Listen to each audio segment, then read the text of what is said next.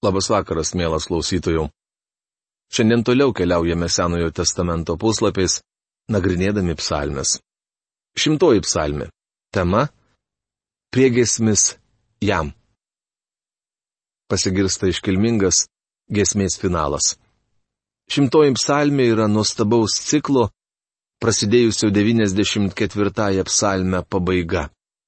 Šiame psalmių cikle buvo šlovinamas karaliaujantis viešpats Jėzus Kristus. Jahve yra karalius. 93 psalmėje skaitėme, jog viešpats yra karalius, jis apsisiautęs didybę. Taip apibūdinamas būsimasis viešpaties sugrįžimas į žemę. Pirmą kartą jis netėjo apsisiautęs didybę. Džordžo McDonaldo žodžiais tariant, jis atėjo kaip mažas kudikėlis, sugraudinęs moters širdį. Šioje psalmėje mums sakoma, jog antrą kartą viešpat sugrįš į žemę apsisiautęs didybę. 94 psalmė pradedama kreipiniu atpildo Dievę. Sugrįžęs į žemę viešpas įgyvendins teisingumą. Mes negalime to padaryti, nes taptume kerštingi. Tačiau viešpaties karaliavimas bus kitoks. Jis gins tiesą bet darys tai nekerštingai. 95-osios psalmės pradžioje skaitome Ateikite, džiaugsmingai gėdokime viešpačiui, šaukime iš džiaugsmo mūsų išganimo uolai. 96 psalmė prasideda žodžiais Gėdokite viešpačiui naują giesmę, gėdokit viešpačiui visą žemę. 97 skyriaus pradžioje yra tokie žodžiai viešpats yra karalius, tesidžiaugia žemė. 98-osios psalmės pradžia tokia. Gėdokite viešpačiui naują giesmę, nes jis padarė nuostabių dalykų. 99-osios psalmės pradžioje skaitome, viešpats yra karalius, tad tesibaimina tautos. Ir štai prieiname šimtąją psalmę giesmės kulminaciją. Tai Aleliuja priegesmis, užbaigiantis šlovingą septynių psalmių ciklą. Paklausykime, kaip pradedama šį psalmį. Džiaugsmingai klegėkite visos šalis, linksmi tarnaukite viešpačiui, artinkitės prie jo su džiugia giesme. Šimtoji psalmė pirmą antrą eilutės. Dar sėki norėčiau pabrėžti, jog Dievas nenori, kad eitumėte jo garbinti ištysusių veidų. Kartais mes būname paniurę. Mus slegia bėdos užplūsta, pagundimai, kartais turime ateiti pas Dievą su atgaila prašydami atleidimo. Mes kabinamės į jį, tačiau visa tai nėra garbinimas. Mes garbiname Dievą, kai giriame jį. Dievas nori, kad jūs būtumėte laimingas. Šiandien daugelįje barų švenčiama laimės valanda. Norėčiau, kad tokia valanda būtų ir mūsų bažnyčiose, tik žinoma be svaigalų. Įpraskime garbinti viešpati. Džiaugsmingai klegėkite visos šalys. Tai raginimas visiems. Čia kalbama apie visuotinį gyrių viešpačiui. Artėja metas, kai visas pasaulis galės užtraukti, koks džiaugsmas mums atėjo jis. Linksmai tarnaukite viešpačiui artinkitės prie jo su džiugia giesme. Tai nuostabi giriaus psalmė. Girkite jį, garbinkite jį, šlovinkite jį. Išėjęs į pensiją, pradėjau gana dažnai aiškinti jauniems pastoriams, kaip jie turėtų vadovauti bažnyčios susirinkimams. Tačiau galiu pakritikuoti ir savo paties tarnavimą. Jaučiu, kad mano tarnavimų metu buvo per mažai giriamas Dievas. Mums reikėtų daugiau garbinti ir girti savo viešpatį. Turėtume džiugauti jo akivaizdoje. Šioje psalmėje skaitome nuostabę šlovės giesmę. Dievo žodyje yra ir daugiau panašių giesmių. Tikintieji gali gėdoti ir laiško Efeziečiams pirmos kiriaus trečią eilutę. Garbė Dievui mūsų viešpatės Jėzaus Kristaus tėvui kuris palaimino mus Kristuje visokiojo padvasinę palaimą danguje. Dievas geras mums. Jis suteikė mums visokiojopą dvasinę palaimą. Tačiau kai kurie iš mūsų ją nesinaudojame. laikome ją šaldiklyje, laukdami juodos dienos. Šiandien yra toji juoda diena, kad ir kaip skaiščiai šviestų saulė. Naudokite palaiminimus, kuriuos jums yra suteikęs Dievas. Kita nuostabi šlovės gesmė užrašyta pirmame prieiškimo knygos skyriuje. Tam, kuris mus myli ir nuplovė savo krauju mūsų nuodėmės ir padarė iš mūsų karalyje bei kunigus savo dievui ir tėvui. Jam šlovė ir galybė per amžių amžius. Amen. Rašoma prieškimo knygos pirmos kiriaus penktoje šeštoje eilutėse. Nežinau kaip jūs, bet mane šie žodžiai pakelia į padangęs. Visas pasaulis raginamas garsiai išlovinti Jahvę, gėdoti didingą aleliują priegesmį, nes tą dieną visi jį pažins. Kita eilutė įdomi tuo, kad joje Dievas apibūdinamas ir kaip kuriejas, ir kaip atpirkėjas. Žinokite, kad viešpats Dievas, Jis mus sukūrė ir mes priklausome jam, mes jo tauta ir jo kaiminės avys. Šimtosios psalmės trečia eilutė. Daugelis žmonių nežino, kad viešpats yra Dievas. To nesuvokia ir daugelis krikščionių. Kai ankstyvąją bažnyčią užklupo pirmieji persikiojimai, apaštalai sugrįžo į Jeruzalę ir viską išpasakojo saviškiams. Jų pranešimas sutelkė bažnyčią maldai. Visi vieningai pakėlė į Dievą balsus ir taip meldėsi. Valdovė tu esi Dievas. Tai Kosto burbulio vertimas apaštalų darbų knygos ketvirtos skyriaus 24 eilutės. Kas nors pastebės, kiekvienas gali tai pasakyti. Taip, Bet svarbiausias klausimas, ar jūs šiandien tuo tikite? Daugelis krikščionių elgesi taip, tarsi viešpats nebūtų Dievas. Jis mus sukūrė ir mes priklausome jam. Anot profesoriaus Algirdo Jurieno šią eilutę galima versti ir taip. Jis mus padarė ir ne mes patys. Dievas yra kuriejas ir dėl to turėtume jį garbinti. Jis padarė šią visatą. Maža to, kad garbiname jį kaip kurėją, dar esame jo tauta ir jo kaiminės avys. Kas yra avys? Atpirktieji. Čia kalbama apie tai, kad ganytojas numirė už avis. Avis nenumirė už šį ganytoją. Apie kokias avis kalbama šioje psalmėje? Čia avys simbolizuoja Izraelį, viešpats ir jų ganytojas. Viešpats Jėzus sako izraelitams, jog turi ir kitų avių, ne iš Izraelio kaiminis. Aš, gerasis ganytojas, aš pažįstu savasias ir manosios pažįsta mane, kaip mane pažįsta tėvas ir aš pažįstu tėvą. Už avis aš guldau savo gyvybę. Ir kitų avių dar turiu, kurios ne iš šios avidės. Ir jas man reikia atvesti. Jos klausys mano balso ir bus viena kaiminė, vienas ganytojas rašoma Jono Evangelijos 10 skyriaus 14-16 eilutėse. Viešpats yra Izraelio ganytojas, o taip pat ir mūsų, žinoma, jei mes priklausome jam. Dėkodami ženkite pro vartus į jo kiemus su šlovės giesme. Dėkokite jam, šlovinkite jo vardą. Šimtosios psalmės ketvirta eilutė. Dievas nori, kad artintumėtės prie jo tokiu būdu.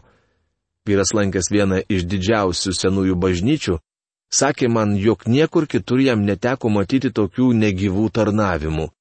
Žinote, kodėl pamaldos toje bažnyčioje buvo apmirusios? Todėl, kad žmonės susirinkimuose nešlovindavo Dievo ir jam nedėkodavo. Jie nedėkingi žengdavo pro vartus į jo kiemus.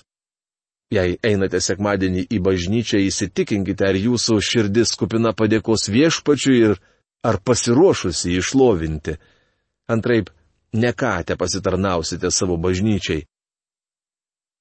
Nes viešpats geras, nes jo ištikimoji meilė amžina ir jo ištikimybė tveria per kartų kartas. Šimtosios psalmės penktą eilutę. Nežinau, kas jūs, kur ir kaip gyvenate, tačiau žinau vieną Dievas geras jums.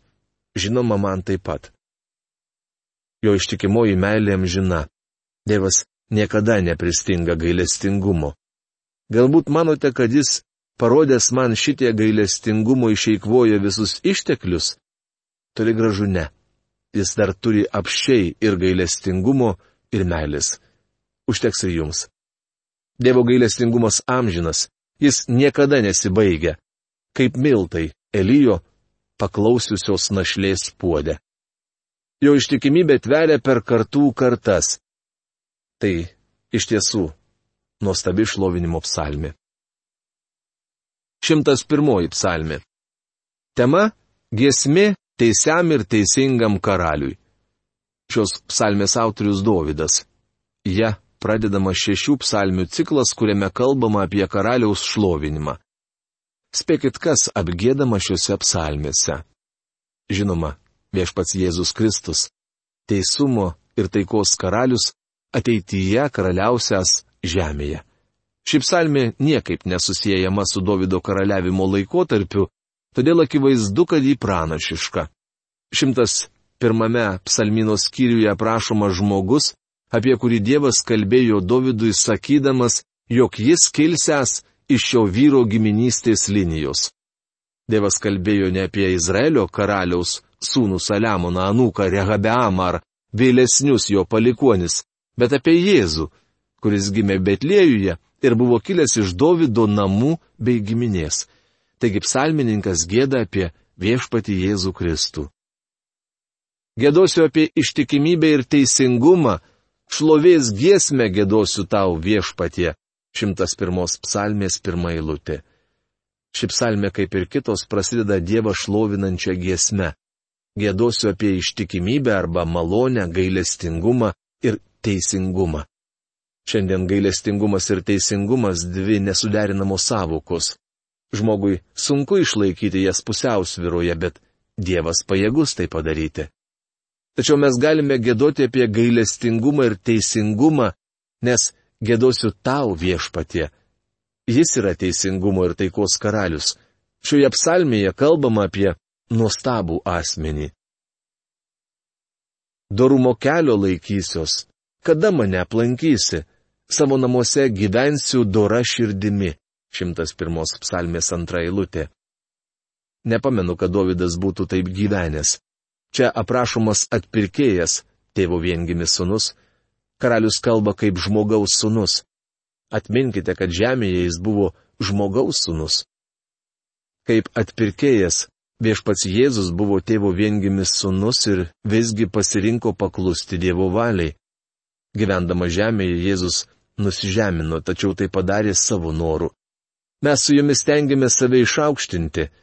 Viešpats Jėzus Kristus nusižemino, kad galėtų mus išaukštinti. Prieš įsikūnydamas Kristus kalbėjo, tuomet aš tariau, štai ateinu kaip knygos rytinyje apie mane parašyta, vykdyti tavo, o Dieve valios, rašoma Hebrajams laiško 10 skyriaus 7 eilutėje. Būdamas žemėje mūsų viešpats sakė, jog jo valgys ir gėrimas vykdyti jį siuntusio tėvų valią. Beje, Jėzus tobulai įvykdė savo tėvo valią. Jis kantriai laukė meto, kurį pavadino mano valanda, kad jums ir man laimėtų išgelbėjimą. Šiandien Kristus sėdi Dievo tėvo dešinėje ir tebe vykdo savo tėvo valią. Jis laukia valandos, kuomet tėvas siūs jį atgal į žemę, mat tėvas yra pasakęs, sėskis mano dešinėje, kol padėsiu tavo priešus tau po kojomis. Rašoma 110 psalmės pirmoje eilutėje. Mums sakoma, kai jam bus visa palengta, tuomet ir pats sunus nusilenks tam, kuris buvo viską jam palenkęs, kad Dievas būtų viskas visame kame. Rašoma pirmame laiške kurintiečiams 15 skyriuje 28 eilutėje. Šia eilutė yra sukėlusi daug ginčių ir diskusijų. Ką iš tikrųjų reiškia? Ogi tai, kad jis karaliaus žemėje paklusdamas tėvui, o vėliau sugrįž užimti savo vietos dieviškoje trejybėje. O apie jo karaliavimą žemėje sakoma. Aš paskelbsiu tavo vardą savo broliams, susirinkime tave šlovinsiu giesme. Rašoma Hebrajams laiško antros kiriaus dvyliktoje eilutėje. Paklausykite, koks bus Kristaus karaliavimas. Čia tikrai nekalbama apie Davido karalystę. širdies nelabumo vengsiu iš tolo, su tuo, kas pikta reikalų neturėsiu. Kas slapta šmeiž savo artimą, tą nutildysiu, nepakenčiu pasipūtusio, įžulios širdies žmogaus. Akimis ieškau krašte Dievui ištikimų žmonių, kad jie gyventų su manimi. Kas laikosi doro kelio, tas bus mano tarnyboje. Joks apgavikas mano namuose negyvens, joks melagis mano akivaizdoje netarnaus. Kas rytą tarsi nuosprendį krašto nedoriliams, kad išvalyčiau iš viešpaties miesto visus, darančius piktą. 101 psalmės 4-8 eilutės. Kiek aiškiau šias eilutes yra išvertęs daktaras Gebeleinas. Nelaba širdis pasitrauks nuo manęs, pikto žmogaus nepripažinsiu, sunaikinsiu tą, kuris šmeižia savo artimą, nepakesiu iš aukšto žiūrinčio ir iš didžios širdies žmogaus. Mano akis žvelgs į krašto ištikimuosius, kad jie gyventų su manimi. Kas laikosi nepeikti nuo kelio, tas man tarnaus. Mano namuose negyvens ne vienas, kuris yra pasidavęs apgavystiai. Kas kalba melus, neišsilaikys mano akivaizdoje. Kas rytą sunaikinsiu visus krašto nedorelius, kad išvalyčiau iš Jagvės miesto visus darančius piktą. Taip aprašomas Kristaus karaliavimas žemėje. Tūkstantmetėje karalystėje negalėsite perduoti savo bylos svarstyti aukščiausiam teismui, dėl vienos paprastos priežasties. Aukščiausiasis teismas bus Kristus. Jis bus vienintelis teisėjas. Tėvas visą teismą yra pavedęs sūnui, kuris kas rytą teis kiekvieną. Žemės gyventojai turės griežtai laikytis taisyklių. Viešpas įves žemėje diktatą ir kiekvienas vykdys jo valią. Tuomet žmonės gėdos naują giesmę teisiam, ir teisingam karaliui. 102 psalmė. Tema - malda vargo ir liūdėsio valanda. Tai mesienistinė psalmė, kurioje vaizduojamas viešpas Jėzus Getsemanės ūkija. Šios psalmės autorius nepaminėtas. Kadangi esama įvairiausių spėlionių, kas ją parašė, ir aš pasakysiu savo nuomonę. Manau, kad šios psalmės autorius Dovydas Įkvėptoje skyriaus pantraštėje skaitome malda nelaimingo žmogaus atsidūrusio neviltyje ir liejančio savo skundą viešpačiui. Originalo kalboje žodžio žmogaus nėra. Profesorius Algirdas Jurienas pantraštę verčia taip. Prislėgtojo malda, kai jis pasilpęs išlėjo prieš viešpatį savo skundą. Šioje psalmėje vaizduojamas prislėgtas ir nusižeminęs viešpats Gesemanės ūkija. Kaip netrukus pamatysime, Naujajame testamente šventoji dvasia patvirtina, jog ši psalmi mesienistinė. Viešpatė, išgirsk mano maldą, viešpatė, ir mano šauksmas tave te pasiekia. 102 psalmės antra eilutė. Daktaras Gebeleina šią eilutę verčia taip. Jagve, išgirsk mano maldą ir mano šauksmas tave te pasiekia. Čia matome atvejį, kai Jahvi meldžiasi Jahviai. Viešpats Jėzus atėjo nusižeminęs, tačiau jis buvo kūne apsireiškęs Jahvi. Pradžios knygoje skaitome nepaprastą teiginį. Tada viešpats leido sierai ir ugniai lyti ant Sodomos ir Gomoros nuo viešpaties iš dangaus. Rašoma pradžios knygos 19 skyriaus 24 eilutėje. Kitaip tariant, Jahve žemėje prašo Jahve danguje siūsti žemyn bausmę. Daktaras Gebeleinas pridurė tokį komentarą. Bet čia, nusižeminęs Jahvės bičiulis, Zacharijo 13 skyriaus 7 eilutė, tai profesoriaus Algirdo Jurieno vertimas. Priartėjus dienai, kai jis taps auka už viso pasaulio nuodėmės, šaukėsi to, kuris galėjo jį išgelbėti nuo mirties. Šioje psalmėje pranašaujama apie Jėzų, kuris Getsemanėje garsiai šaukė ir lėjo ašaras, kaip prašoma Hebrajams laiško penktos kiriaus septintoje eilutėje. Ir jis buvo išklausytas. Tačiau čia matome, kad švento ir teisingo Dievo įniršis krito ant Jėzaus Kristaus, nes jis prisijėmė jūsų ir mano nuodėmes. Tai nuostabi ir šlovinga psalmi. Prieš mus atsiveria siaubingiausia agonija, kokią tik gali išgyventi žmogus. Visą dieną mano priešai mane užgaulioja, kaip keiksmažodį tarė mano vardą, 102 psalmės 9 eilutė. Tai gilaus nusivylimų išraiška.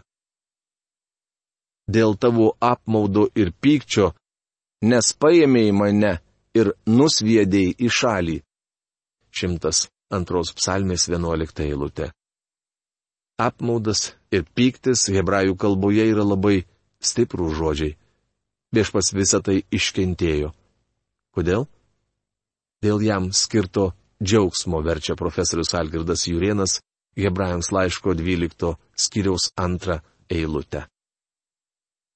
Bet tu viešpatė amžinai viešpatauji ir visus kartus mini tavo vardą. Tu pakilsi ir būsi gailestingas Jonui, nes jau laikas jo pasigailėti, skirtasis metas jau atėjo. 102 psalmės 13-14 eilutės. Jis bus gailestingas Jonui. Ir kaip minėjome, dėl jam skirto džiaugsmo iškentėjo kryžių, nieku versdamas gėdą, verčia profesorius Algirdas Jujienas, Hebrajams laiško 12 skyriaus antrą eilutę. Matote, Kristus numirė už Izraelio tautą. Evangelijos pagal Joną 11 skyriaus 50-51 eilutėse užsimenama, jog buvo būtina, kad vienas mirtų už tautą. Kristus tai ir padarė sugrįžęs antras įk, su didžia galybė ir šloveis, atstatys Joną. Viešpats atstatys Joną ir apsireikš savo garbėje. 102 psalmė 17 eilutė. Mūsų viešpats žinojo, kad dėl jo pasiaukojamos mirties Jonas galiausiai bus atpirktas. Kadaise tu padėjai žemės pamatus ir dangus tavo sukurti. Jie praeis, o tu pasiliksi, Jie susidėvės kaip drabužis, kaip apdara juos keiti ir jie pasikeičia. Bet tu esi tas pats ir tavo metams nėra galo. 102 psalmės 26-28 eilutės. Šventoji dvasia cituoja šią pastraipą laiško hebrajams pirmos kiriaus 10-12 eilutėse. Mes nežinotume, kad šimtas antroji psalmė yra mesianistinė jai Biblijos autorius, Dievo dvasia, nebūtų panorėjusi atskleisti šios šventojo rašto atkarpos prasmės pirmame laiško hebrajams skyriuje. Šimtas antroje psalmėje kalbama apie viešpatį Jėzų Kristų. Čia girdime jo maldą, sunkę ir beviltišką valandą. Šioje psalmėje vaizduojamas karalius Getsemanės ūkija, jo pažeminimas prieš išaukštinimą. Apie tai laiško Hebrajams penktos kiriaus septintoje eilutėje rašoma. Savo kūno dienomis, garsiai šaukdamas ir lėdamas ašaras, jis siuntė prašymus bei maldavimus tam, kuris galėjo jį išgelbėti nuo mirties ir buvo išklausytas dėl savo pagarbiaus baimės. Kadangi jis kentėjo už mus, gali mus užjausti. Man šimtas antroji psalmė primena Jėzų Getsemanės ūkiją. Tai tokia žinia šiandien. Iki malonaus sustikimo. суде.